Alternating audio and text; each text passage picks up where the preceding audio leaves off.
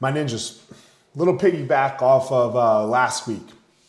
So uh, we talk a lot about limiting, right? Like last week was all about not limiting yourself.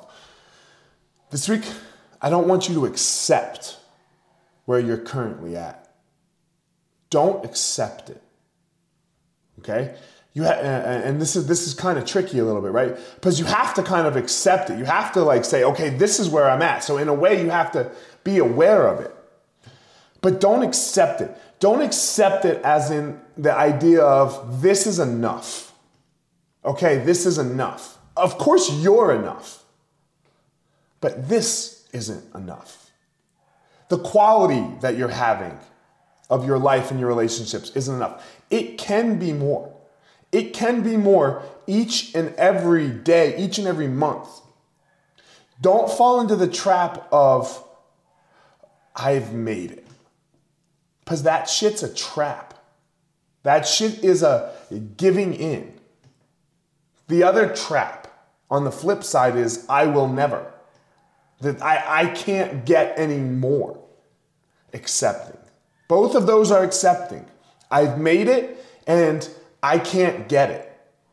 Okay? Both of these are the accepting of where you're at as if you can't do more. And that shit is a lie.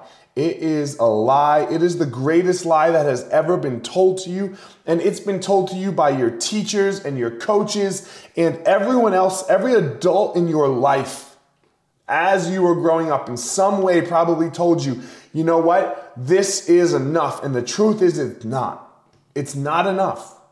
No one achieved greatness by believing that this was enough and that was all, and this was, we're going to accept the status quo.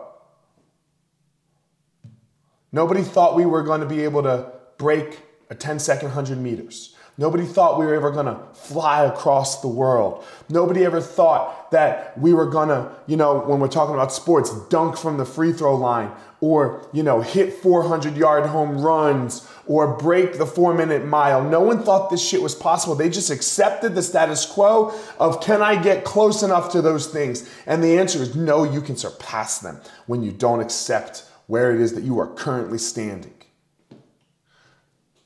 Discover your passion, find your power, go give your purpose to the world.